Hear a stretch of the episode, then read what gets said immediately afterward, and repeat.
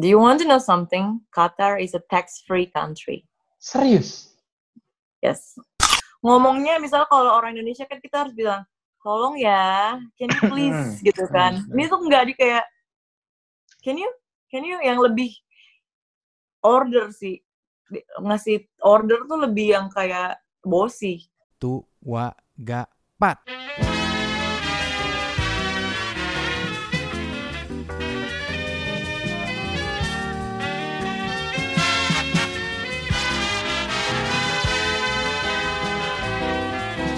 Anda sedang mendengarkan The Bernhard Para Show. Oke teman-teman, ini dia Putih Andini. Eh, dia itu adalah seorang pramugari berpengalaman, cie. Karena dia sudah lama juga menjadi eh, pramugari. Terus dia juga lulusan dari Universitas Indonesia, Bachelor of Humanity di bidang ini ya Dutch Language and Litera- Literature ya. Iya betul. Sastra Betul ya, Belanda. oke. Itu jurusan lo sastra Belanda ya. Siap, siap. Terus lo juga pernah jadi top 10 winner Miss Tourism Indonesia. Wah. Dan lo Yes. pernah kerja kantoran juga, bener ya? Bener. Beberapa kali lo kerja kantoran, termasuk di Super Ant, Super Advanced Network Technology. Betul. Oke, sip kalau gitu. Nah, sekarang kegiatan lo lagi apa aja, Put? Sekarang di mana sih lo lagi kerja di mana? Kegiatan lo apa? Sekarang lo lagi di mana deh? Oke, sekarang lokasi gue, cie, gue ada di Middle East, tepatnya di Qatar, dan karena gue pramugari, dan sekarang due to this pandemic, ya jadi jam terbang gue juga jadi agak reduce gitu. Oke. Yang biasanya sibuk banget terbang, gue jarang ngobrol sama teman-teman gue, sekarang gue banyak banget waktu luang, Mhm. dan gue jadi pengen banget sharing tentang pengalaman terbang gue dua setengah tahun ke belakang. Mhm.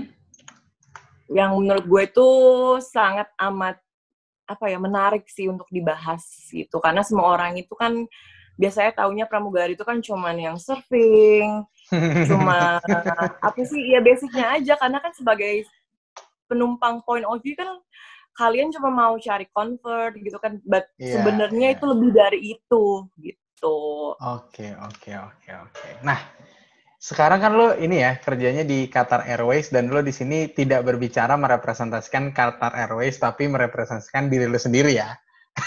betul Oke. jadi Ini menarik gue cuma banget ya. karena kalau lo ngomongin Qatar, Qatar itu kan brand besar banget ya.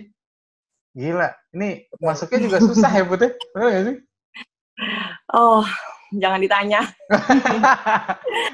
Iya iya iya iya. Gue nggak mau gua nggak mau nanya tentang masuknya gimana atau apa karena gue pengen lihat experience-nya nih. Gue lebih tertarik dengan experience-nya. Tapi gini, um, um, lu kan pernah jadi pramugari di dua maskapai. Pertama di SQ ya. Pertama di SQ. well sebenarnya di SQ itu gue nggak sampai jadi pramugari oh nggak sampai. gue Jadi gimana tuh? jadi gue udah keterima di SQ Hmm. udah ke Singapura but then gue gagal di medical check up di Singapura padahal di Jakarta tuh semua udah clear but anyway it's just Kok bisa gagal sih? experience Tapi Itu di dia, Qatar bisa. kayak- Gimana sih? Gue nggak nggak nggak- nggak nangkep nih. Eh, jadi tuh setiap airlines mungkin punya standar yang beda-beda ya Oke. I don't know that gitu loh kayak banyak hal yang sebenarnya nggak yang nggak bisa dijelasin sih sebenarnya dan gue pun nggak tahu gimana Eh, terus apa namanya but gue intinya gue nggak sampai udah sampai di Singapura but then gue harus pulang ke Indonesia gue kerja kantoran gue cari experience lain sampai akhirnya gue dapet lagi kerjaan di Middle East ini gitu Oke. Jadi sebenarnya lo udah nyoba ke SQ itu setelah lulus kuliah, bagaimana sih? Iya hah, betul Lulus kuliah 2016, habis itu lo nyobain ke SQ, itu berapa lama sih prosesnya dari Jakarta sampai Singapura gitu? itu tuh lumayan lama sih sekitar mungkin ya enam bulan terus gue bulan. gue udah berangkat sampai ke Singapura Oke, oke, oke, oke. gitu Dan tapi enam bulan itu nggak digaji selama itu ya? oh enggak sih sebenarnya enam bulan itu proses dari proses rekrutmennya sampai gue ke Singapurnya Dan Di itu nggak dapat salary apa pun sekitar- selama enam bulan itu? Enggak karena memang belum itu baru-baru baru awal doang kita dikasih hotel Hah? sama SQ itu selama se- seminggu dikasih Hmm. hotel. Nah, sel- selama seminggu itu kita tuh kayak ada medical check up lagi. Nah, gue tuh gagal di situ. Oh. Gitu. Oke, oke, oke. Berarti panjang juga prosesnya ya. Nah, terus habis itu lo Iya. ke, ke Jakarta lagi, terus habis itu lo kerja dulu tuh di kantoran. Gue sempet kerja kantoran. Abis itu Nah, kayak gue juga agak down sih. Kenapa? honest, gitu Kenapa? kan. Ya, I was expect to be a flight attendant in Singapore Airlines, but then instead of got the job, I got nothing. Terus gue balik kan. lo nggak punya plan lain lah intinya ya. Jadi lo lo ngerasa kayak, aduh ngapain lagi nih gue gitu. Iya, dan gue tuh nggak suka kerja kantoran tuh honest. Kenapa? lo kan jadi corporate business manager tuh lima bulan ya, tahun 2017 tuh ya. Itu kenapa Betul. sukanya kenapa? Well, kenapa ya? Karena mungkin uh, dengan kesibukan Jakarta, menurut gue, karena gue tuh butuh apa ya waktu yang lebih dari 24 jam sih sebenarnya kayak. Sedangkan di Jakarta sih cuman isinya macet, macet dan berangkat kerja, kerja, pulang capek udah, dan gue nggak bisa punya kegiatan lain gitu loh. Hmm. Itu yang gue kurang suka. Sampai akhirnya gue resign dari kantor gue itu, gue sempet solo traveling ke Bali. Dan itu belum dapat Awalnya. kerjaan baru ya. Jadi lo resign belum ada kerjaan baru ya. Belum. Nekat. But sebelum gue ke Bali, gue udah nge-apply buat Qatar. Oh. Akhirnya pas gue buat Qatar ini, gue langsung cabut. But this time, I didn't expect anything. Jadi, oke gue apply. Terus gue nggak, yaudahlah kalau dapet ya syukur, kalau nggak ya udah. Oh, Oke, oke. Ya berarti resiko tinggi juga tuh ya. Ya, that's life. Iya, iya, that's life. That's good. Nah, kenapa sih lu sepengen itu sampai kayak lu udah nyoba, lo gagal. Terus lo kantoran, terus lo nyoba lagi. Sepengen itu tuh gara-gara apa sih lu pengen jadi pramugari itu? Eh, karena gue tuh pengen banget traveling gitu loh. Sedangkan, to be honest, travel itu kan gak murah. Ya kan? Hmm. Plus paspor Indonesia tuh just kind of weak. Oke. Are you agree with that? Ya, ada banyak keterbatasan kan soalnya. Iya, keterbatasan kan. Sedangkan eh, dengan cara ketika ketika eh, gue menjadi flight attendant itu bakal lebih punya privilege yang lebih gitu loh. Jadi dengan tra- bisa flight attendant terbang dan juga gue bisa punya saving yang eh, buat goal gue yang ada di Indonesia kayak gitu. Jadi Oke. apa ya all in one sih menurut gue. Emang goal lu apa sih? Kan pramugari ya lah, kita tahu gajinya gede gitu kan ya. Tapi goal lu, lu mau, mau ngincer apa? Mau beli rumah atau mau beli apa gitu? Well, ya property is one of them sih. Tapi sebenarnya gue tuh pengen lah balik lagi ke Indonesia. Apa ya, gue tuh jiwa gue tuh sebenarnya lebih lu bilang sosial ya. Hmm. Karena gue tuh pengen gue tuh pengen punya eh, apa ya atau ngebantu sih bukan punya. Sebenarnya gue pengen banget kayak mendirikan sekolah gitu loh. Hmm. sekolah. Tapi karena mungkin sekarang gue belum afford itu, gue pengen bantu temen gue yang udah dirin sekolah. Jadi kayak pengen ikut partisipasi partisipasi aja sih, but and then itu cuman belum sampai ke situ karena gue karena covid ini gue belum bisa survei ke tempat itu dan lain Ya, sebagainya. ya, ya, ya. Itu cuman Jadi ya, baru Ya balik lagi apply. kan kalau misalnya lo mau jadi pramugari berarti lo pengen travel dan istilahnya gaji juga pasti jadi salah satu pertimbangan ya dan lo nggak suka Betul. kerja kantoran yang diem di belakang meja harus ketemu Iya. klien terus habis itu pulang paling cuma satu jam dua jam dengan kemacetan gitu kan nah Iya. tapi setelah lo jadi pramugari di Qatar apakah apa yang lo nggak suka di kantoran itu itu nggak ada di, di, di jadi saat jadi pramugari nggak ada. Serius, bener-bener nggak ada tuh hal-hal yang lu nggak suka tuh, lu nggak nggak lagi deh gitu. Enggak. Karena gimana ya? eh, gue tuh ngerasa excited banget ketika gue, gue kerja. Walaupun sebenarnya capek banget, physically tuh capek banget jadi pramugari itu. But gue excited, gue tuh suka apa ya? Karena ketika kita jadi pramugari itu, kita tuh berkomitmen buat ngejaga safety, comfort, securities dari passengers kita Iya, iya. kita ada briefing, kita ada briefing, terus kita make sure semuanya safety is at most important sih di sini. gitu dan Oke. gimana ya banyak banget hal-hal yang gimana ya menurut gue gue tuh all in one banget ketika gue jadi pramugari gue adalah chef waiters janitor tapi gue juga bisa jadi security karena gini loh banyak juga kayak crime uh, human trafficking dan lain-lain atau simply deh misalnya orang uh, mabok ya di pesawat itu juga bisa jadi crime loh terus uh, Mabok tuh di juga pesawat boleh, Put ya? Karena kan emang ada minuman-minuman keras juga ada di pesawat ya? iya tapi kan toleransi orang kan berbeda-beda ya Iya, iya, iya. jadi sometimes kita nggak bisa avoid itu sih Hmm. Terus juga somehow kita juga jadi dokter, nurse gitu loh. Banyak sih kayak medical case yang pernah gue alamin gitu loh. Dan itu sebenarnya sedih.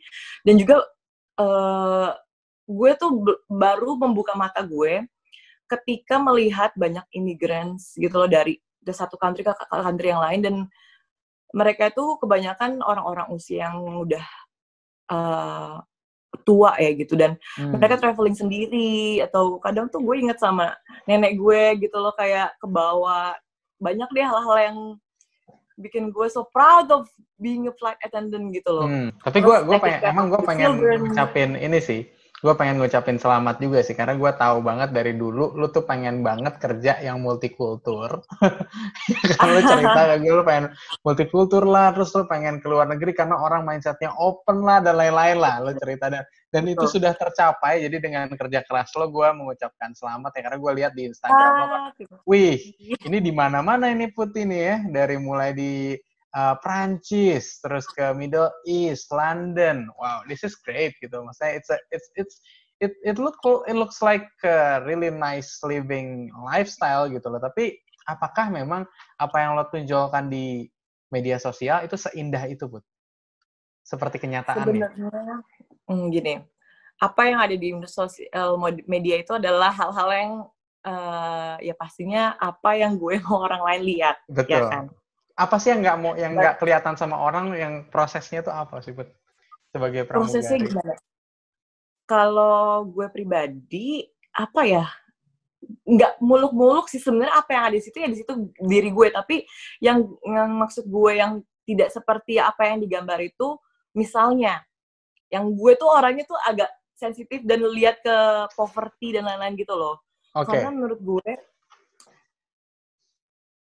if uh, misalnya gini, mungkin lo pikir di London, di Paris, di LA itu New York tuh adalah negara-negara yang maju, yang bagus, dan istilahnya yang udah bagus lah, udah teknologi udah canggih dan lain-lain gitu.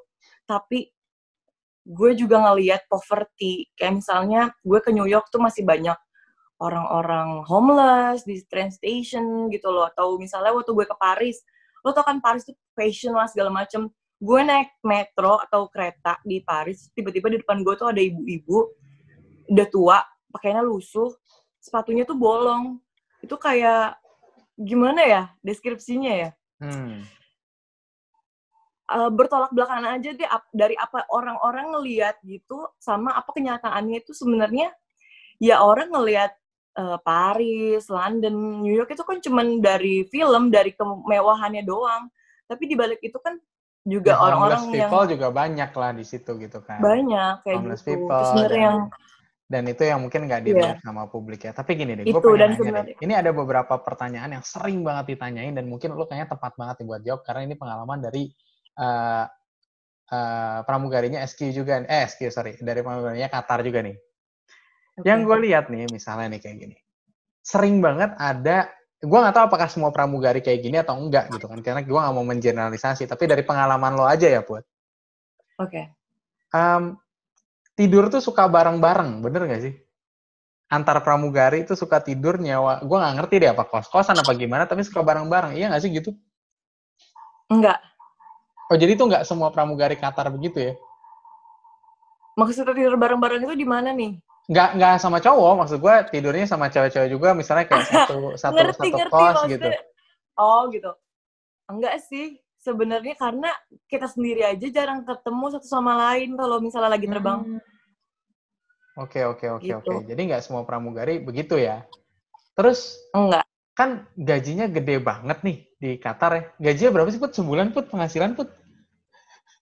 Tergantung sih. Kalau Tergantung jam kalau yang terbang. kalau yang dari lo jam terbang lo udah berapa lama? Hmm, gue berapa lama maksudnya? Kan gue dua, dua setengah tahun di sini, tapi Mm-mm. ya biasanya sih dalam sebulan bisa 100 jam, 100 105, 110 paling banyak. 110 jam seminggu kerjanya? No, no, no, satu bulan, satu bulan. Oh, No. satu bulan. Oke, oke, oke. Tapi itu kaget juga jarang sih, kebanyakan sih 90 jam sampai 100 jam sih. Dalam satu bulan ya kerjanya ya. Iya. Dan itu Normal dapat day ya, sebelum ya, sebelum pandemi. pandemi dan sebelum ada Ya. high season dan lain-lain kan ya. Itu penghasilannya berapa sih rata-rata? Put? Kalau SQ kan kita udah tahu kemarin dari Eta nih. Kalau dari lo berapa sih penghasilannya jadi pramugari? Sebenarnya eh, kalau dibandingin SQ sebenarnya eh, Qatar di bawah ya. Hmm. Ya range-nya sih 40 sampai 50-an. Oke, tapi itu tergantung itu range-nya- bukan basic salary kan? Bukan. Tergantung rank sih sebenarnya. Oke. Tapi di sini itu semuanya sudah difasilitasi seperti akomodasi, transport, laundry gitu. Jadi Oke. menurut gue itu fair sih. Ya, jadi udahlah Mungkin- semua hidup udah tenang, lo tinggal Oh, bawa iya. uang take home pay aja gitu kan. Iya betul. Jadi semuanya memang gue nggak mikirin untuk bill apa-apa sih. Hmm. Be Dan, dan dan kayak kalau misalnya kan ini kerja di Middle East nih. Pajaknya tuh gimana sih Put? Berapa persen gitu Put? Kayak kan kalau dengan gaji yang gede harusnya pajaknya gede juga nggak sih? Do you want to know something? Qatar is a tax-free country. Serius? Yes. Banyak orang yang belum tahu itu loh. Oh ya? Pasti banyak Well- orang yang belum tahu itu. Sebenarnya walaupun tax-free, karena Qatar adalah negara dengan GDP tertinggi di dunia. Ya, growth, growth domestic product guys. Jadi GDP itu eh, bahasa Indonesianya tuh PDB, produk domestik bruto. Oke, Silakan. Oke, thank you. Iya, jadi kayak memang eh, orang lokal di sini tuh sedikit ya. Jadi lebih banyak ekspat dan eh, imigran di sini sih, gitu. Oke. Yang tinggal di sini. Dan memang perkembangan Qatar Dan- cepat banget ya. Betul, sangat amat pesat. Oke, Gitu. nah kalau di Qatar sendiri Put, kalau udah hampir 2 tahun ya berarti belum senior juga lah ya. Kalau dua tahun lah ya kalau di di ini ya. Itu gimana sih Put? Eh, eh, lu kan orang Indonesia nih, Qatar kan ya istilahnya maskapainya Middle East gitu kan. Jadi dari segi pekerjaan ada nggak sih kayak rasisme gitu-gitu? Ini kan kita ngomongin multikultur nih. Atau senioritas gitu, ada nggak sih? Oke, eh, pertama senioritas dulu ya. Kalau senioritas di sini cenderung enggak sih, Oke. enggak ada. Mungkin cuman ke yang kalau misalnya mereka sudah supervisor ya. Kalau supervisor itu ya kita harus respect dong mau nggak mau. Iya, Tapi itu, itu juga nggak kesopanan kita lah. hormat. Iya. Tapi kalau misalnya kita sama ranknya atau misalnya atau sama-sama masih yang nggak belum supervisor, biasanya sih nggak ada such a thing seniority sih Hmm. gitu. Walaupun mereka misalnya baru, gue udah lama, gue nggak akan treat them yang Yang intimidate. gimana no. gitu. Justru pengennya Enggak. bantu ya. Yes, betul. Di sini tuh culture-nya saling bantu. Justru kita ngajarin, oh gini loh kerjanya kayak gini gini gini kita ajarin, kita kasih tahu kayak gitu. Lebih ke one Jadi team sih. kulturnya enak juga lah ya istilahnya buat Nah, buat lo. untungnya sih gitu, enak. Dan di sana orang. Indonesianya banyak buat. Enggak, Hmm. dikit. Jadi benar-benar terpilih juga ya untuk yang masuk ke Qatar Airlines ya. Ya, puji Tuhan. Alhamdulillah, nah, terus kemarin lo nyinggung nih karena lo mungkin lo ngelihat beberapa The Hard Farah Show gitu kan. Apa sih yang lo mau Hmm. share tentang multikultur yang kayak menurut lo urgent banget nih kayak publik tuh perlu tahu gitu. Gimana ya? eh, pertama sih yang gue bilang, don't judge the book by its cover kan. Oke. Memang sih, we cannot avoid that gitu. Kita nggak bisa menghindari bahwa kita menjadi seorang dari uh, physicalnya gitu kan. But Mm-mm. sebenarnya gini, kenapa gue bilang it can be good or it can be bad.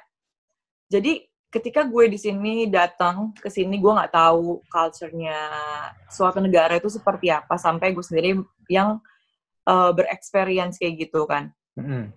misalnya contohnya eh, kita sebenarnya bukan rasisme sih, lebih ke stereotype sih.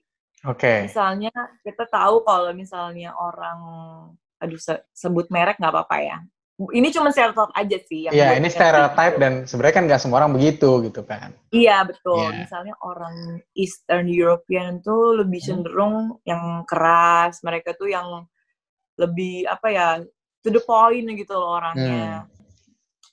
Dan ternyata ketika gue punya flatmate Hmm. orang Rusia, dia ada di sini soalnya.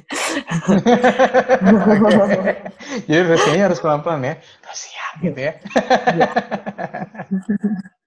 ternyata tuh jauh beda banget. Ternyata dia tuh orangnya bener ramah, baik, yang Serius, orang Rusia rata-rata begitu ya? biasanya tuh dia keras biasanya. Yang gue ada Oh. banyak pengalaman bekerja dengan mereka itu mereka tuh yang orangnya cenderung lebih straightforward yang ngomongnya misalnya kalau orang Indonesia kan kita harus bilang tolong ya, can you please gitu kan. Hmm. Ini tuh enggak di kayak can you can you yang lebih order sih Di- ngasih order tuh lebih yang kayak bossy kesannya gitu.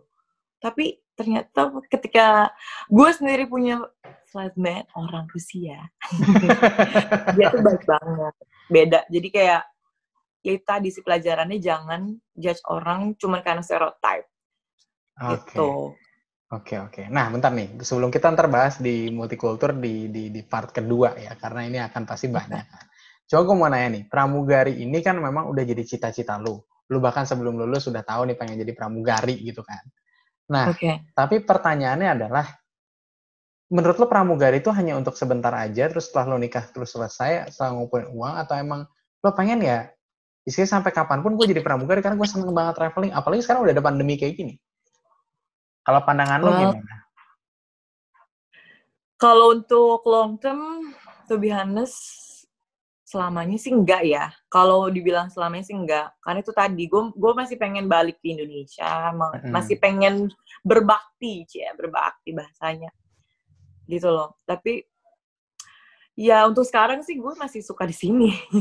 Oke, gitu. oke. Tapi, Tapi untuk kalau long dari term, target lo tuh kapan sih? Kayak lo, udahlah gue mau ke Indonesia aja, balik nggak jadi pramugari lagi gitu.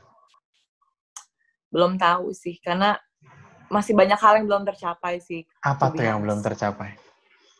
Ya saving. Saving, oke, satu hal lah ke keuangan. Terus Itu sih sebenarnya. itu Dan aja ya berarti ya, ya? saving aja. itu aja sih. Udah kayak gue berharap kayak banyak nih, oh gue belum ke negara ini, saving udah, oke oke oke oke. Iya sih, itu juga salah satunya. Misalnya gue Ah, belum juga. bicara something gitu. Ah, oke oke oke. Emang lo lo butuh saving berapa sampai lo ya udahlah gue mau keluar gitu dari dari pramugari gitu. Oke, kalau target gue mungkin at least lima tahun ya dari sekarang. Wih masih lama ya berarti ya. At least Iya iya berarti umur 30-an ya cabutnya ya. Iya. bisa. At least Setelah ya. itu mungkin mungkin gue masih mau di stay sini. Sebenarnya gue juga mau nungguin World Cup. Gimana gimana? Sebenarnya gue juga mau nungguin World Cup. Kenapa? Kenapa nungguin World Cup? Pengen, pengen tahu aja gitu gimana sih apa ya euforia sepak bola di negara Oke. sendiri. Ya, Tiba-tiba nanti gitu. World World Cup-nya online, Bud. Wow. Udah Bisa nunggu jadi, nunggu bisa nunggu jadi. online. Tapi itu kan dua tahun lagi. Bisa Jadi Iya sih. udah lenyap. Masih lama lah. Masih lama. Masih Bener-bener. banyak Tapi yang bisa berubah. Saving lo tuh targetnya hanya untuk menabung aja, apa emang lo pengen beli rumah atau beli apa sih sebenarnya? Lebih ke mana sih target saving lo? Pertama kalau gue sih lebih ke properti yaitu rumah sih. Rumah Oke. yang lagi gue kejar sekarang. Dan sampai Setelah itu sekarang ya- belum kebeli ya? Nah, Alhamdulillah udah. Oh udah, wih, Ya. jago nih. Di mana beli di mana, Bud? Masih ngutang BTW. Ya nggak apa-apa, gue juga nyicil. Di mana di Jakarta tapi di Indonesia? Eh, di Bali. Di Bali. Kenapa Bali? Kan lo bukan orang Bali. Pengen aja. Emang kenapa? Ya nggak apa-apa, makanya kan karena- gue nanya.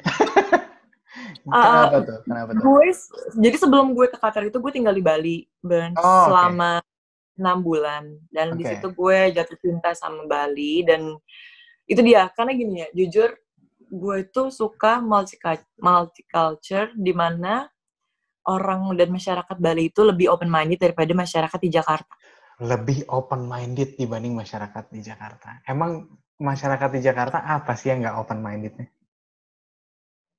gini misalnya gue naik motor pakai hot pants di Jakarta hmm. uh nggak nggak selamat kayak bukan nggak selamat sih orang-orang gue kayak ini perempuan apa tapi kalau di Bali I don't have to worry about that oke okay.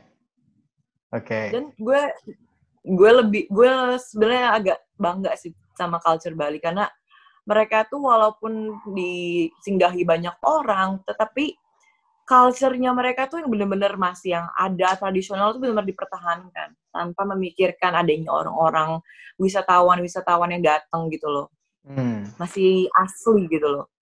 Yang walaupun pastilah ada pengaruh-pengaruhnya uh, sedikit, banyak sedikitnya pasti ada, tapi ya itu dia gitu. Sedangkan ya culture di Jakarta juga hampir hilang kalau emang mau dibahas. Hmm. Oke, oke, oke. Nah, tapi ngomongin lagi nih tadi. Pakai hot pants di jalan di Jakarta itu jadi masalah. Padahal menurut gue Jakarta kan ya budayanya Betawi. Betawi itu egaliter kan. Jadi kayak multikultur juga kan sebenarnya. Tapi nih dari lo nih yang sudah uh, berkunjung ke banyak negara gitu kan. Dan pasti lo tahu dong. Kayak menurut lo kenapa sih kayak Bali Bali kan memang multikulturnya memang internasional ya karena banyak istilahnya foreigner gitu kan orang luar ke situ. Nah Jakarta juga kan sebenarnya multikultur kan, cuman banyaknya mungkin masih Indonesia dan dan mungkin karena populasinya banyaknya dari masyarakat Indonesia jadi multikulturnya masih dominan Indonesia banget nih. Nah, Betul, ya. Berarti menurut lo nih ya, kalau lo misalnya kayak Jakarta kayak Bali, hmm. apakah itu akan lebih bagus untuk dari segi kultur menurut lo? Well, menurut lo ini nggak ada yang salah, nggak ada yang benar nih. Sebenarnya agak sulit sih untuk dibandingkan karena Jakarta itu kan kota kota metropolitan di mana orang-orang tuh tujuannya ke Jakarta adalah untuk bekerja. Betul. Sedangkan kalau Bali itu lebih ke island di mana orang-orang tujuannya ke sana untuk holiday. Yes. Jadi itu adalah hal yang saling bertolak belakang. Dari dari background aja tuh udah beda gitu. Jadi Oke, kalau gitu itu tergantung balik lagi ke masyarakatnya sih Ben. Hmm. Oke oke oke oke. Tergantung gak balik lagi ke masyarakatnya ya, nggak bisa disamain Betul. ya. Gak bisa disamain, Apalagi karena... dengan dengan negara kita yang punya banyak suku, banyak bahasa nih kompleks banget kan. Betul. Iya gitu. iya iya, menarik menarik menarik. Put, kita bakal lanjut lagi setelah ini. Jadi untuk teman-teman yang udah nonton ini, terima kasih banyak. Dan kalau kamu suka, tolong push tombol like, tekan tombol like. Tapi kalau kamu nggak suka, please, uh, ini ada tanda yang kayak gini, lo pencet aja. Lo pencet berulang kali juga nggak apa-apa. gitu juga. Tapi tolong kasih kita komentarnya biar kita bisa memperbaiki lagi apa yang kurang dari konten ini. Dan jangan lupa untuk sebarin ke teman-teman yang lain. Oke, okay, terima kasih Ben. Thank you, Bud. Sama-sama.